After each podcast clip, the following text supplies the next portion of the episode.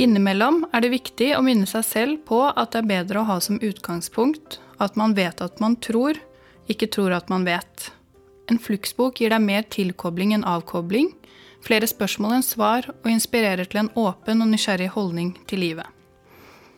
Denne gangen skal vi lese et redigert utdrag fra gutten som ble oppdratt som hund av den anerkjente barnepsykiateren og nevrologen Bruce D. Perry i samarbeid med journalisten Maya Salowitz.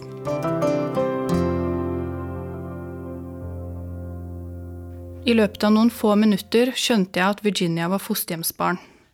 Hun var blitt forlatt av sin rusavhengige mor ved fødselen. Faren var ukjent, og Virginia vokste opp i en tid da det var vanlig at barnehjemssystemet flyttet nyfødte og små barn til nye fosterhjem hver sjette måned.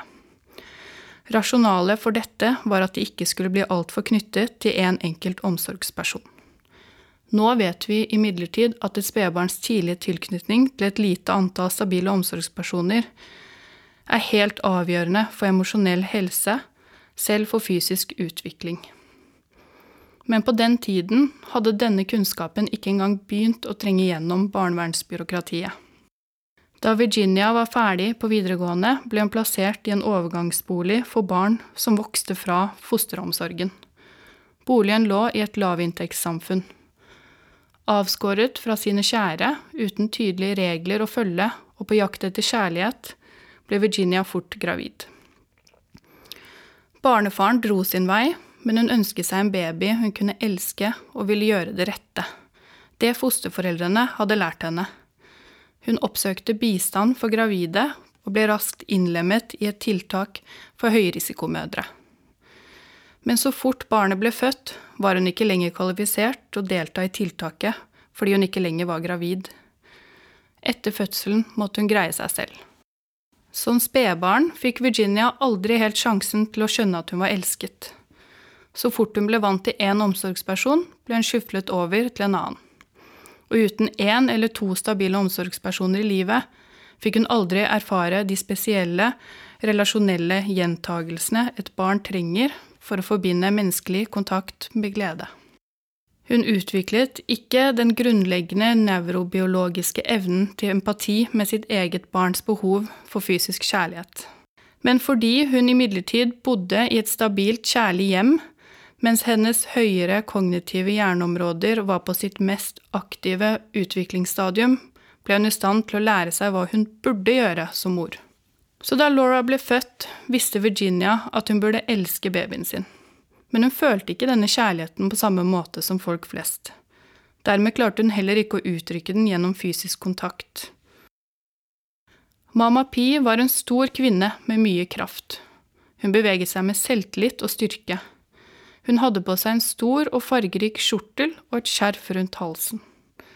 Med seg hadde hun sin sju år gamle fostersønn Robert, som var blitt tatt fra sin mor tre år tidligere. Moren var prostituert og hadde vært avhengig av kokain og alkohol hele sønnens liv. Hun hadde forsømt og slått han. Gutten hadde dessuten vært vitne til at moren ble slått av kunder og halliker, og hadde selv blitt terrorisert og misbrukt av morens partnere. Etter at han ble tatt fra moren, hadde Robert vært i seks fosterhjem og på tre krisesentre. Han hadde vært innlagt på sykehus for utagerende atferd tre ganger og fått et titalls diagnoser, deriblant ADHD, ODD, bipolar lidelse, schizoaffektiv lidelse og diverse læringsvansker. Han var ofte kjærlig og hengiven, men fikk også anfall av raseri og aggresjon, noe som skremte jevnaldrende, lærere, fosterforeldre i så stor grad at han ble fjernet fra enhver situasjon han utagerte i. Mamma Pi hadde tatt han med til oss fordi konsentrasjonsvanskene og aggresjonen nok en gang hadde gitt ham problemer på skolen. Og skolen hadde forlangt at noe måtte gjøres. Han minnet meg om mange av guttene jeg jobbet med på døgnbehandlingssenteret i Chicago. I begynnelsen av samtalen med Mamma Pi prøvde jeg å inkludere henne og få henne til å føle seg vel. Jeg visste at folk oppfatter og bearbeider informasjon langt mer effektivt når de føler seg rolige. Jeg ønsket at hun skulle føle seg trygg og respektert. Når jeg tenker tilbake, må jeg ha virket veldig nedlatende. Jeg var altfor selvsikker. Jeg trodde jeg visste hva som var galt med fostersønnen hennes, og det underforståtte budskapet var Jeg skjønner meg på dette barnet, men det gjør ikke du. Hun la armene i kors og så utfordrende på meg uten å smile. Jeg liret av meg en lang og sannsynligvis ubegripelig utlegning om biologien i stressresponser, og hvordan det kunne forklare guttens aggressive og overdrevent vaktsomme symptomer. Jeg hadde ennå ikke lært meg å forklare tydelig hvordan traumer påvirker barn. Hva kan du gjøre for å hjelpe babyen min, da? spurte hun. Språkbruken hennes forbauset meg. Hvorfor kalte hun den sju år gamle gutten for en baby? Jeg visste ikke hvordan jeg skulle tolke det. Jeg foreslo klonidin, det medikamentet jeg hadde brukt på Sandy og guttene på senteret. Hun avbrøt meg, rolig, men bestemt. Du får ikke bruke noen medisiner på babyen min. Jeg prøvde å forklare at vi var ganske konservative når det gjaldt medisinering, men hun ville ikke høre på meg. Ingen leger får dope ned babyen min, sa hun. Nå begynte stipendiaten i barnepsykiatri som var Roberts primærlege, og som satt ved siden av meg, og ble irritert. Det var pinlig, og den oppblåste blæra av en viseformann og sjef for psykiatriavdelingen oppførte seg som en drittsekk. Selv forholdt jeg meg til moren som om hun var fienden, og kom ingen vei med det. Igjen prøvde jeg å forklare biologien i stressresponssystemet, men hun avbrøt meg. Forklar det du nettopp sa til skolen, sa hun skarpt. Babyen min trenger ikke medisiner, han trenger at folk er snille og kjærlige mot han. Ingen av lærerne forstår han. Greit, vi kan snakke med skolen, svarte jeg. Og så ga jeg meg. Hvordan hjelper du han, mamma Pi? spurte jeg. Jeg var nysgjerrig på hvorfor hun ikke hadde noen problemer med Roberts raseri, som førte til at han ble kastet ut av tidligere fosterhjem og skoler. Jeg bare holder rundt han, vugger han, jeg elsker han bare. Når han våkner om natten, er redd, vandrer rundt i huset, tar jeg han opp i sengen min. Stryker han over ryggen og synger litt. Så sovner han. Stipendiaten kikket fort på meg, åpenbart bestyrtet over at en sjuåring sov i samme seng som sin fostermor, men jeg ble nysgjerrig og fortsatte å lytte. Hva er det som virker beroligende på han når han ble opprørt i løpet av dagen? spurte jeg. Det samme, jeg legger bare fra meg det jeg holder på med holder rundt han, vugger han på fanget. Det tar ikke lange stunden, stakkars liten. Da hun sa dette, kom jeg på et gjentakende mønster i Roberts journaler. I samtlige av dem, deriblant den siste henvisningen fra skolen, ga sinte ansatte uttrykk for sin frustrasjon over guttens trass og umodne, babyaktive atferd, og klaget over at han var krevende og klengete. Og du ble aldri frustrert eller sint når han oppførte seg sånn, spurte jeg mamma Pi. Blir du sint hvis det blir mye styr med en baby? spurte hun. Nei, sånn er det bare med babyer. De gjør så godt de kan, og vi tilgir dem hver gang de søler, gråter eller gulper på oss. Og Robert er babyen din? Alle sammen er babyene mine, det er bare det at Robert har vært baby i sju år. Vi avsluttet samtalen, avtalte en ny time uken etter. Jeg lovet å ringe skolen. Mamma P betraktet meg mens jeg gikk bortover gangen sammen med Robert. Jeg spøkte med at hun måtte komme tilbake og lære oss mer. Da smilte hun omsider. I årenes løp fortsatte mamma Pi å komme til klinikken med fosterbarna sine, og vi fortsatte å lære av henne. Mamma Pi oppdaget lenge før oss at mange unge som har vært utsatt for overgrep og omsorgssvikt, trenger en type fysisk stimuli man ellers ville tiltenkt langt yngre barn.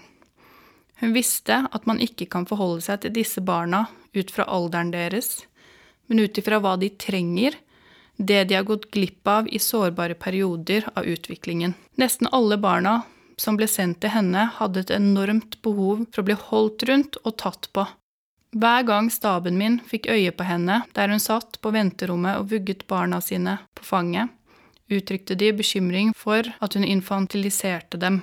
Men jeg forsto etter hvert hvorfor hennes overveldende, kjærlige og fysiske omsorgsmåte, som jeg først tenkte måtte være kvelende for større barn, ofte var nettopp det en lege burde foreskrive. Disse barna hadde aldri fått det mønsteret av gjentagende fysisk omsorg de trengte for å utvikle et velregulert og fungerende stressresponssystem.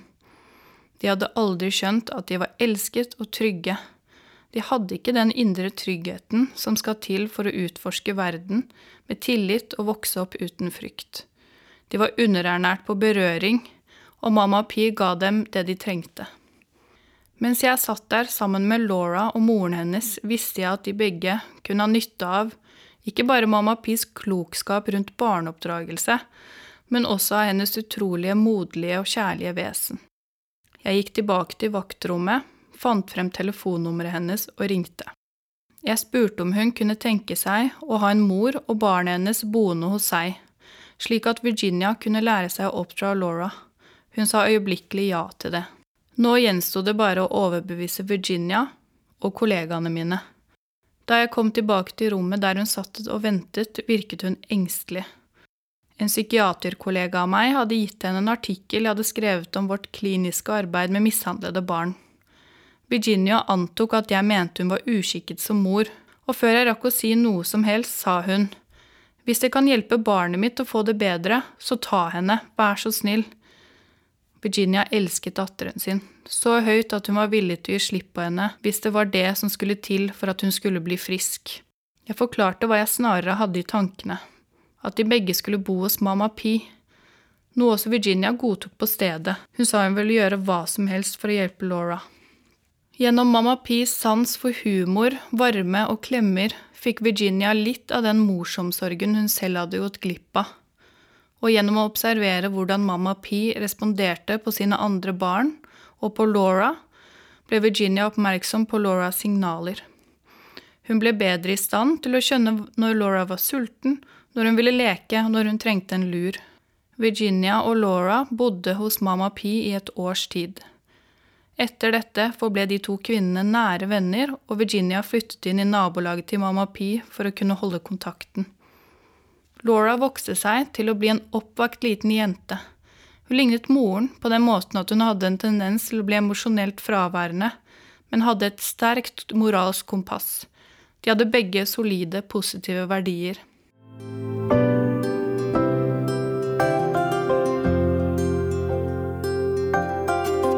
Du har hørt et redigert utdrag fra 'Gutten som ble oppdratt som hund' av Bruce D. Perry og Maya Salowitz, utgitt på Flux forlag i 2021. Jeg heter Frida Elvira Pettersen. Lydtekniker til denne podkasten er Danny Young ved Gong Productions, og musikken du hører er laget av Olve Flakne spesielt til oss. Du kan lese mer om oss og vårt arbeid på flux.no, der vil du finne mer informasjon om alle våre bøker, våre prosjekter og aktiviteter. Flux betyr bevegelse, og vi ønsker å bevege tanken. Du kan også følge Flux forlag på Facebook og Instagram.